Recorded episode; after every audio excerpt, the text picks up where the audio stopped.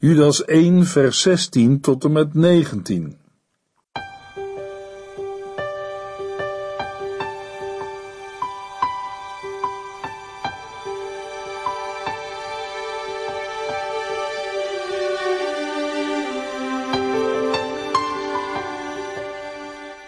Hartelijk welkom bij De Bijbel Door.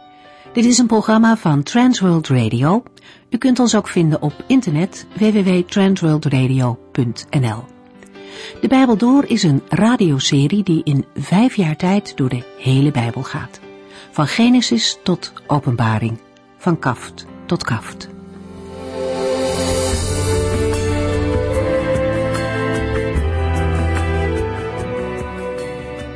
Lieve mensen, welkom. Ook deze keer lezen we verder uit de brief van Judas.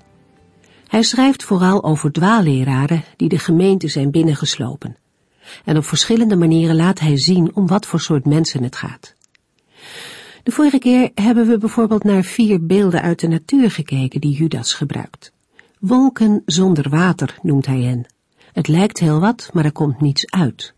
Water wordt in de Bijbel vaak gebruikt als beeld van Gods woord en dwaalleraren missen dat woord van God.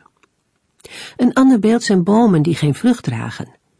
Wie in mij blijft, draagt veel vrucht, zegt de Heer Jezus in Johannes 15. Maar het tegenovergestelde is ook waar. Wie niet in hem blijft, kan geen vrucht dragen. Twee keer gestorven zijn, zegt Judas. Wat een verschil met kinderen van God die tweemaal geboren zijn. Een natuurlijke geboorte en een geestelijke wedergeboorte. Judas noemt hen vervolgens nog de wilde golven van de zee en dwaalsterren. Dat brengt hem bij het einde van de dwaalleraars. Hij gebruikt daarvoor een profetie van Henoch, een man die ver voor Judas zelf leefde. Maar zijn boodschap dat de Heere zal oordelen over de dwaalleraren blijft van toepassing. Henoch profeteerde dat de Heere zal komen met tienduizenden engelen in zijn gevolg om te oordelen. Dit verwijst naar de uiteindelijke wederkomst van de Heere. Ook de profeet Zacharia spreekt hierover. Judas schrijft, als de Heer Jezus terugkomt op de wolken van de hemel, zal hij alle onbetrouwbare mensen straffen voor hun verzet tegen God en voor de grote mond die zij tegen hem hebben opgezet. Het oordeel gaat over alle goddelozen en betreft hun goddeloze werken. Deze gebruikte woorden geven aan hoe door en door goddeloos de dwaalleraren zijn. Het typeert hun karakter en hun gedrag. De schuld van de goddelozen staat ook zonder hun tegenspraak en grote mond vast.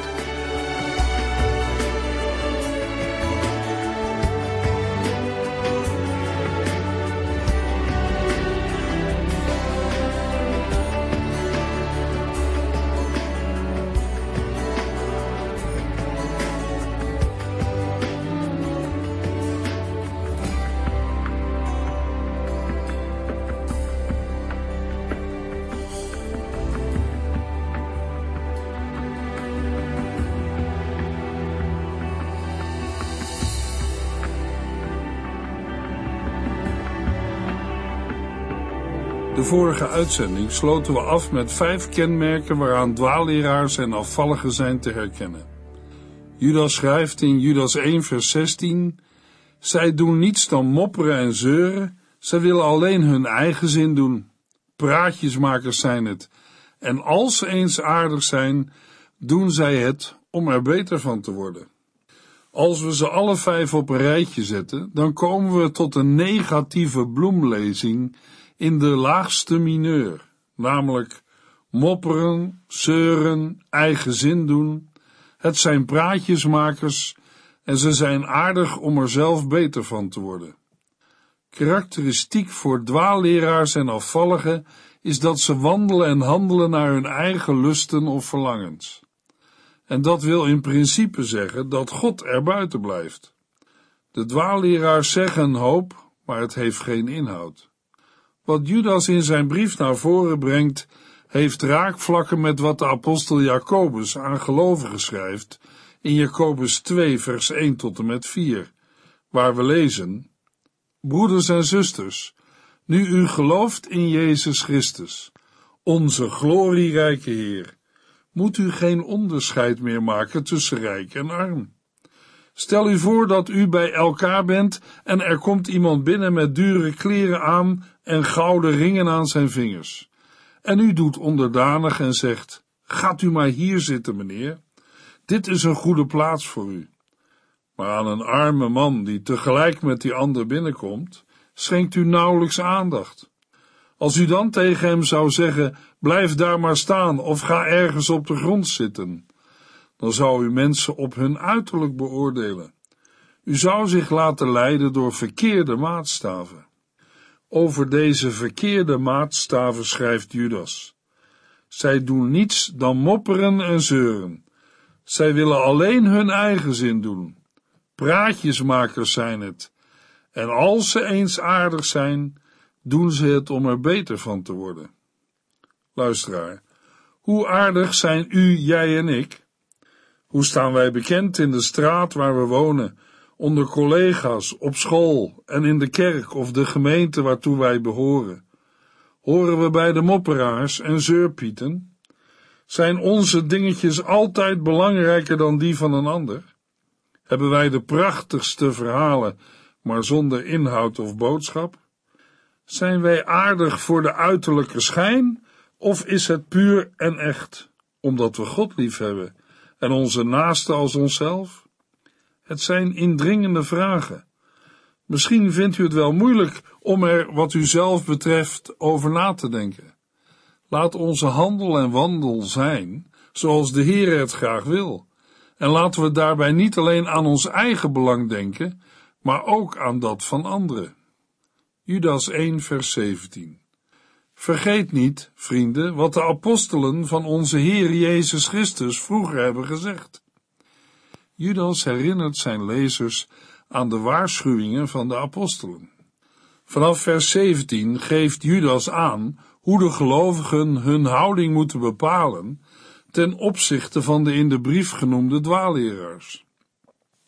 In een andere vertaling lezen we: Maar, geliefde broeders en zusters, denk aan wat de apostelen van onze Heer Jezus Christus al hebben gezegd. Met de woorden maar geliefde broeders en zusters of maar vrienden worden de ware gelovigen in Christus aangesproken. Zij heten, net als in vers 3 en vers 20, vrienden, geliefden of broeders en zusters, en worden daarmee onderscheiden van de dwaalleraars. Judas gebruikt voor het eerst in zijn brief de gebiedende wijs. Wat hij in dit en de volgende versen schrijft, is een opdracht en een ernstige aansporing. Vers 17 is een herinnering aan eerder gesproken woorden door de apostelen van onze Heer Jezus Christus. De herinnering aan de profetie leert de gelovigen dat alles, ook met betrekking tot de dwaalleraars, volgens Gods voorzeggende woord en plan verloopt. Zelfs al lijkt het tegendeel het geval. In Handelingen 4, vers 25 tot en met 28 lezen we: Door de Heilige Geest hebt u uw dienaar, onze voorvader David, laten zeggen: Wat zijn de ongelovige volken toch dwaas om tegen de Here op te staan? Het is onbegrijpelijk dat deze mensen proberen God te slim af te zijn. De machthebbers van deze wereld hebben hun hoofden bijeengestoken en de leiders spannen samen tegen de Heer en zijn gezalfde. Dat is nu precies wat hier in Jeruzalem gebeurt. Herodes en Pontius Pilatus hebben samen met de volken van Israël en Rome de handen ineengeslagen om te strijden tegen uw dienaar Jezus. Daarmee doen zij wat u in uw wijze macht van tevoren had bepaald. Met de woorden van Judas 1 vers 17 laat Judas doorschemeren dat hij zelf geen apostel is. Judas begon zijn brief met de woorden van Judas, een dienaar van Jezus Christus en een broer van Jacobus. In vergelijking met Romeinen 1 vers 1 is dat anders. Paulus begint met de woorden van Paulus, een dienaar van Christus Jezus. Hij heeft mij uitgekozen om zijn apostel te zijn en overal het goede nieuws bekend te maken. Judas schrijft Vergeet niet, vrienden, wat de apostelen van onze Heer Jezus Christus vroeger hebben gezegd. Petrus schrijft in 2 Petrus 3 vers 2 gelijksoortige woorden. Hij zegt, ik heb u herinnerd aan de woorden van Gods profeten en apostelen, die u hebben bekendgemaakt wat de Heere en Redder van u vraagt. De concrete invulling daarvan zou kunnen zijn, Micha 6 vers 8, waar we lezen, de Heere heeft u laten weten wat goed is en wat hij van u verwacht. Hij wil niet anders dan dat u eerlijk en rechtvaardig bent en uw best doet liefde te bewijzen en als een nederig mens leeft met uw God. In het kader van de brief van Judas gaat het er vooral om dat de lezers zich herinneren dat apostelen hebben voorzegd en gewaarschuwd voor dwaalleraars die de christelijke gemeente zullen binnensluipen. Judas 1 vers 18 Tegen het einde van de tijd zullen er spotters komen die zich aan hun onreine verlangens overgeven. Apostelen hebben verscheidene malen de komst en het optreden van dwaalleraars voorzegd. Eén van hen kan met name worden genoemd, Petrus. Hij schreef, ik wil u er vooral op wijzen dat er in de laatste dagen mensen zullen komen die met alles spotten en alleen maar hun eigen zin doen. Maar ook Paulus en Johannes hebben gewaarschuwd voor de komst van dwaalleraars, net als de Heer Jezus zelf. De heiland zegt in Matthäus 7, vers 15 tot en met 20, Pas op voor valse profeten. Zij komen naar u toe en doen zich voor als onschuldige schapen, maar in werkelijkheid zijn het verscheurende wolven. Aan hun doen en laten kunt u zien wat ze zijn, zoals men een boom kan herkennen aan zijn vruchten. U hoeft aan doornstruiken geen druiven te zoeken en aan distels geen vijgen. Als u wilt weten of een boom goed of slecht is, kijk dan naar zijn vruchten. Aan een goede boom komen geen slechte vruchten, en aan een slechte boom geen goede. Alle bomen waar geen goede vruchten aankomen, worden omgehakt en verbrand. Ik bedoel dit. Aan zijn doen en laten kunt u zien hoe iemand is. Ook de apostel Paulus heeft gewaarschuwd voor de komst van dwaalleraars. In Handelingen 20, vers 29 tot en met 31a zegt hij: Want ik weet dat er na mijn vertrek valse leraren als hongerige wolven bij u zullen komen. Zij zullen de kudde niet ontzien. Zelfs mensen uit uw eigen kring zullen de waarheid verdraaien en proberen de christenen aan hun kant te krijgen. Wees daarom op uw hoede. Paulus schrijft aan zijn jonge medewerker Timotheus maar de Heilige Geest zegt ons heel duidelijk dat er een tijd zal komen waarin sommigen in de gemeente zich van Christus afwenden en leraren gaan volgen die zich door de duivel laten leiden.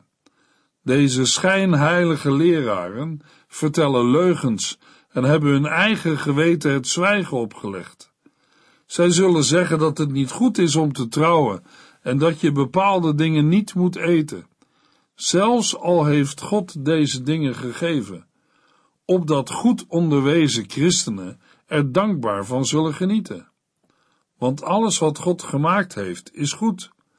Wij mogen het gerust eten, als we er maar dankbaar voor zijn, omdat God gezegd heeft dat het goed is, en omdat wij Hem vragen het te zegenen, is alle voedsel aanvaardbaar. En in 2 Timotheus 3, vers 1 tot en met 5 schrijft de apostel: Je moet goed weten dat wanneer de laatste dagen van deze wereld aanbreken, er zware tijden komen.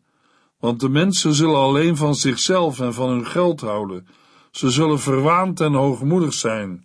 Ze zullen God belachelijk maken en hun ouders ongehoorzaam zijn. Ze zullen ondankbaar en door en door slecht zijn. Ze zullen harteloos en koppig zijn, roddelen, ruzie maken en een lage moraal hebben. Ze zullen bruut en wreed zijn en met goede mensen spotten. Ze zullen hun vrienden verraden. Ze zullen roekeloos en opgeblazen zijn en liever hun driften volgen dan God aanbidden. Ze zullen in uiterlijkheden wel godsdienstig doen, maar de kern van het goede nieuws afwijzen. Houd zulke mensen op afstand. Ook de apostel Johannes heeft voor dwaalleraars gewaarschuwd. We lezen in 1 Johannes 2, vers 18 tot en met 25. Vrienden, de wereld loopt op haar einde. U hebt gehoord dat de antichrist zal komen. Maar ik wil u erop wijzen dat er al heel wat vijanden van Christus rondlopen. Daaruit blijkt duidelijk dat het laatste uur voor de wereld geslagen heeft. Die vijanden van Christus hebben vroeger bij ons gehoord, maar niet echt. Anders zouden ze bij ons zijn gebleven. Door ons de rug toe te keren hebben zij laten zien dat ze niet allemaal bij ons hoorden. U bent heel anders, want de Heilige Geest is in u komen wonen en daardoor kent u de waarheid. Ik schrijf u dus niet omdat u de waarheid niet zou kennen, maar omdat u de waarheid van de leugen moet kunnen onderscheiden. En wie is de leugenaar? Dat is degene die zegt dat Jezus niet de Christus is. Zo iemand is een vijand van Christus, een antichrist, omdat hij niet gelooft in God de Vader en in zijn Zoon Jezus Christus. Want wie niet in de Zoon gelooft, kent ook de Vader niet. Maar wie in de Zoon gelooft, kent ook de Vader. Blijf trouw aan wat u in het begin gehoord hebt. Als u dat doet, zult u altijd één zijn met de Zoon en de Vader. Christus, de Zoon, heeft ons het eeuwige leven beloofd. Judas schrijft tegen het einde van de tijd zullen er spotters komen, die zich aan hun onreine verlangens overgeven. De woorden tegen het einde van de tijd zijn een vertaling van Griekse woorden die uiterste, laatste of beslissende tijd betekenen. De woorden duiden op de eindtijd. De woorden worden ook gebruikt in 2 Timotheus 3 vers 1, waar we lezen, je moet goed weten dat wanneer de laatste dagen van deze wereld aanbreken, er zware tijden komen. Wat de kenmerken van de mensen zijn die in deze laatste dagen van de wereld leven, vinden we in het vervolg van 2 Timotheus 3. In Hebreeën 1 vers 1 lezen we in het Grieks dezelfde woorden. Nadat God eertijds vele malen en op vele wijzen tot de vaderen gesproken had in de profeten, heeft hij nu in het laatste van de dagen tot ons gesproken in de Zoon. In Jacobus 5 vers 3 lezen we dezelfde woorden, in het laatste van de dagen. Maar in het boek worden de Griekse woorden vertaald met terwijl de dag van het grote oordeel nabij is. Dat is niet fout, maar de gebeurtenissen in het laatste van de dagen zijn breder dan alleen de gebeurtenissen op de dag van het grote oordeel. Beide uitdrukkingen duiden op de eindtijd, maar in de Bijbel is de eindtijd, of het laatste van de dagen, de hele periode tussen hemelvaart en wederkomst van de Heer Jezus Christus. Het is de periode van Gods geschiedenis die een beslissend karakter draagt en waarin de houding tegenover Christus bepalend is voor leven en dood. In die periode zullen steeds weer mensen naar voren komen die de kenmerken vertonen van de in de brief van Judas beschreven dwaalleraren.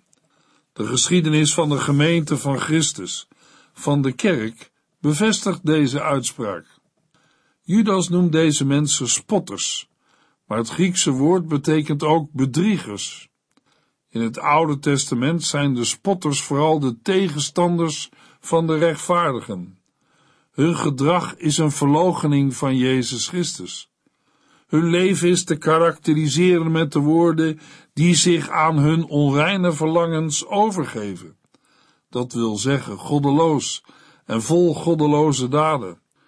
We kunnen het Griekse woord, dat is vertaald met onreine verlangens, ook vertalen met goddeloze verlangens of begeerten, maar ook met verlangen naar goddeloosheden. In ieder geval wandelen de dwaalleraars volgens hun eigen begeerten. Zij willen alleen hun eigen zin doen. Judas 1 vers 19 Het zijn mensen die verdeeldheid zaaien. Ze zijn alleen op het wereldse gericht en hebben de geest van God niet. In vers 19 worden opnieuw de dwaalleraars genoemd. De aanduiding het zijn mensen die verdeeldheid zaaien staat tegenover de aanduiding vrienden in de versen 17 en 20. De dwaalleraars verweten de andere gemeenteleden dat zij verdeeldheid zaaien en scheurmakers waren. Maar Judas keert het om. Niet de gelovigen, maar de dwaalleraars zijn degene die verdeeldheid zaaien in de gemeente. Het is voor een dwaalleraar gemakkelijk om degene die de tucht moeten toepassen allerlei verwijten naar het hoofd te slingeren. Maar door hun gedrag stelden de dwaalleraars zichzelf buiten de gemeenschap van de broeders en zusters, de gelovigen. In een andere Bijbelvertaling lezen we in vers 19: Deze zijn het die zichzelf afscheiden, natuurlijke mensen, de geest niet hebbende. De dwaalleraars die verdeeldheid zaaien, zonderden of scheiden zichzelf af en zaaien daarmee verdeeldheid. De dwaalleraars verdeelden de gemeente in twee groepen, in A, natuurlijke mensen en B, geestelijke mensen.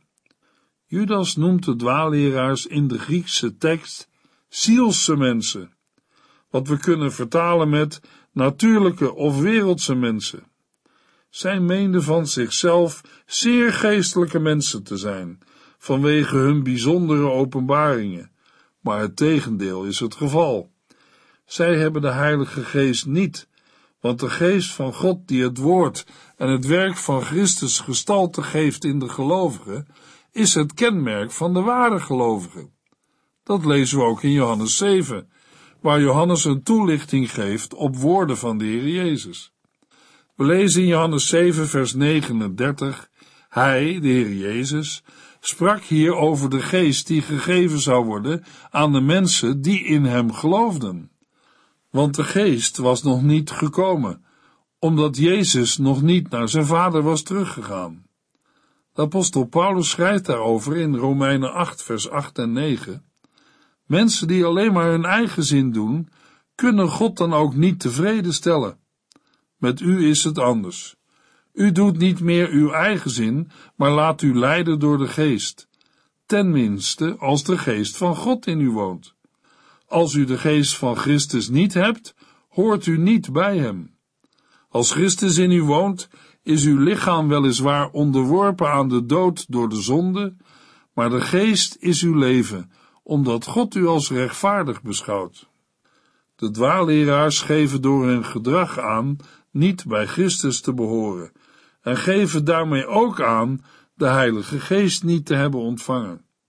In Titus 3 geeft de apostel Paulus aan hoe er met mensen moet worden omgegaan die verdeeldheid zaaien. We lezen in Titus 3 vers 10 en 11 Als iemand verdeeldheid onder jullie zaait, moet je hem één, zo nodig twee keer waarschuwen. Als hij niet wil luisteren, moet je niet meer met hem omgaan. Je weet dan dat hij God niet meer wil volgen en dat hij zondigt en daarmee zichzelf veroordeelt. In het verlengde van het voorgaande in de brief van Titus, het vermijden van dwaze strijdvragen, spreekt Paulus in vers 10 en 11 meer in het algemeen over iemand die geen gehoor geeft aan de waarschuwing van Titus. Het gaat om mensen die sectarisch zijn. Ze hebben een andere opvatting gekozen en leggen daarop alle nadruk. Daarmee zijn zij de oorzaak van scheuring en scheiding en zaaien verdeeldheid. Volgens de Heer Jezus Christus mag zo iemand niet zomaar terzijde worden geschoven. Het is nodig om eerst te proberen zo iemand terecht te wijzen, door hem te waarschuwen of te vermanen. In de christelijke gemeente kan niet alles worden goedgepraat. Helaas gaan er ook dingen niet goed. Als iemand afwijkt van wat God wil in leer of leven, dan moet hij of zij worden teruggebracht op het juiste spoor. Daarbij mag niet over één nacht ijs worden gegaan. Als een eerste terechtwijzing geen positief resultaat heeft, moet een tweede volgen. Maar als deze terechtwijzingen geen goed effect hebben, dan moet Titus, zij het met pijn in het hart, niet terugdeinzen voor een hardere maatregel. Paulus schrijft, als hij niet wil luisteren, moet je niet meer met hem omgaan. Je weet dan dat hij God niet meer wil volgen en dat hij zondigt en daarmee zichzelf veroordeelt. Het buitensluiten van iemand die niet wil luisteren en in leer en leven afwijkt van de gezonde leer is ter bescherming van de christelijke gemeente, maar hopelijk ook tot redding van de persoon in kwestie. Voor de betrokken persoon is het een oproep om zich te bezinnen op zijn of haar verhouding tot God en datgene wat de Heere heeft geopenbaard in zijn woord. Voor het weren van iemand en iemand buiten de christelijke gemeente plaatsen, moet er een goede reden zijn. Paulus motiveert dit duidelijk in Titus 3 vers 10 en 11, in navolging van de woorden van Jezus uit Matthäus 18. In het verlengde van het genoemde in Titus 3 vers 9, de discussies over schijnbare problemen, stambomen van voorouders en ruzies over de Joodse wetten, noemt Paulus als reden het ketters zijn, wat hij in vers 11 nog verder uitwerkt. Een andere reden voor een buitensluiting is dat zo iemand verdeeldheid onder jullie zaait. Zo iemand heeft zich van Gods waarheid afgekeerd en wil zich niet meer onder het gezag en het toezicht van de leiding van de christelijke gemeente stellen. De betrokkenen wil niet meer luisteren. Daarmee laat hij of zij zien dat hij God niet meer wil volgen en dat hij zondigt en daarmee zichzelf veroordeelt.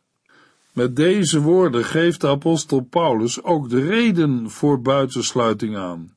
Zo iemand leeft in zonde. Hij of zij zaait verdeeldheid, is een scheurmaker en weigert naar vermaning te luisteren. En daarmee veroordeelt hij of zij zichzelf. De laatste woorden, en daarmee veroordeelt hij of zij zichzelf, zijn ernstige woorden. Gelukkig hoeft Titus niemand te veroordelen. De persoon in kwestie velt zijn eigen oordeel. Zo iemand hoort niet in de gemeente, zolang hij of zij zich niet bekeert. Judas schrijft in vers 19: Het zijn mensen die verdeeldheid zaaien. Ze zijn alleen op het wereldse gericht en hebben de geest van God niet.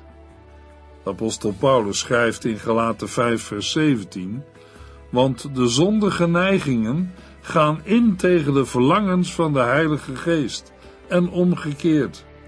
Deze twee krachten zijn altijd met elkaar in conflict. U moet dus niet doen wat u maar wilt. Wat er dan wel moet gebeuren, gaan we in de volgende uitzending lezen, in Judas 1, vers 19 en 20.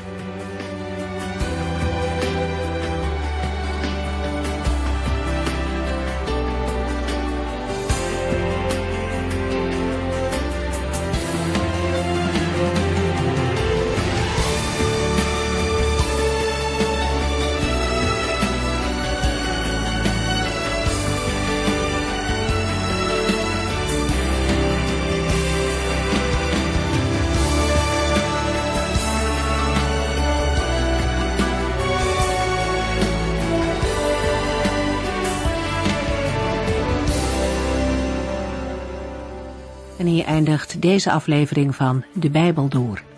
Een serie programma's van Transworld Radio. Wilt u ons iets vragen of meer weten? Dan kunt u altijd contact met ons opnemen. Bellen kan overdag met 0342 478432. Per post Transworld Radio. Postbus 371. Postcode 3770. Anton Johannes in Barneveld. En e-mailen kan ook. De Bijbel door at transworldradio.nl En natuurlijk ook via onze website transworldradio.nl Dit programma werd gepresenteerd door Cor Weda en Ike André. En namens iedereen die er nog meer aan meegewerkt heeft, graag tot de volgende keer.